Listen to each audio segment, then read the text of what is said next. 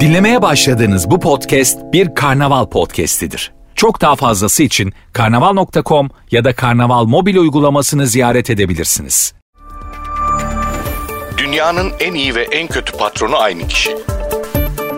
Dünyanın en iyi patronu deyince aklınıza kim geliyor? The Office izleyicisinin yanıtı net. Peki en kötüsü? Muhtemelen yanıt yine aynı. Söz konusu Michael Scott olunca ikisi arasında net bir çizgi yok. Zira o kadar doğal ve saf bir karakterden bahsediyoruz ki The Office'teki yaratıcı çalışan deneyimi uygulamalarını ve dünyanın en iyi patronu fenomenini Marketing Türkiye editörü Gizem Yıldız yorumluyor. Nielsen raporuna göre The Office 2020 yılında 57 milyar dakika ile en çok izlenen TV dizisi oldu. 2016 yılında Amerikan dergisi Rolling Stone The Office'i tüm zamanların en iyi 100 televizyon programından biri seçti. Yani The Office kültürü ve esprileriyle büyüyen devasa bir kitle var. Çoktan final yapmış olan dizinin mimlerinin hala sosyal medyada dolaşmasının nedeni de işte bu.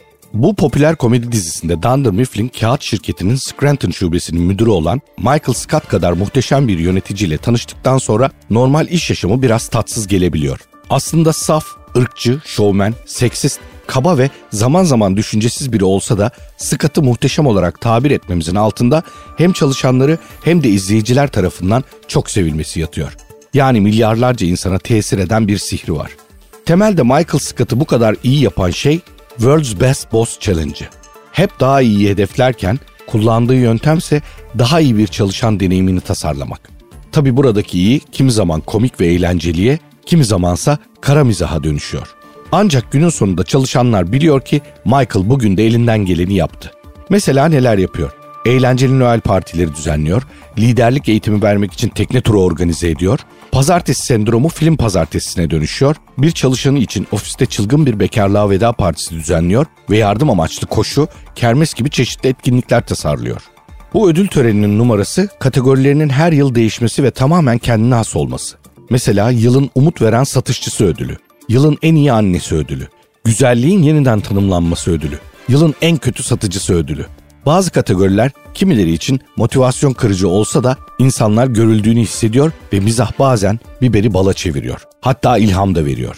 Zira internette ofis partileriniz için Scott'ın çalışan deneyimini mükemmelleştirmek adına öne çıkan Dandy Awards'un kategorileri üzerine sayısız makale bulabilirsiniz. Tabii dizide bu kategorileri Michael Scott belirliyor. Sunuculuk ve mizah dozu da onda.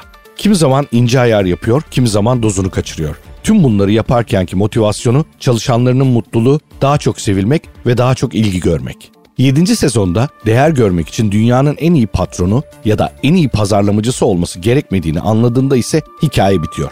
Ancak 7 sezonluk bir dünyanın en iyi patronu fenomenini ve gerçek iş dünyasındaki liderlerin üzerine düşebileceği birçok ders bırakıyor ardında Michael Scott.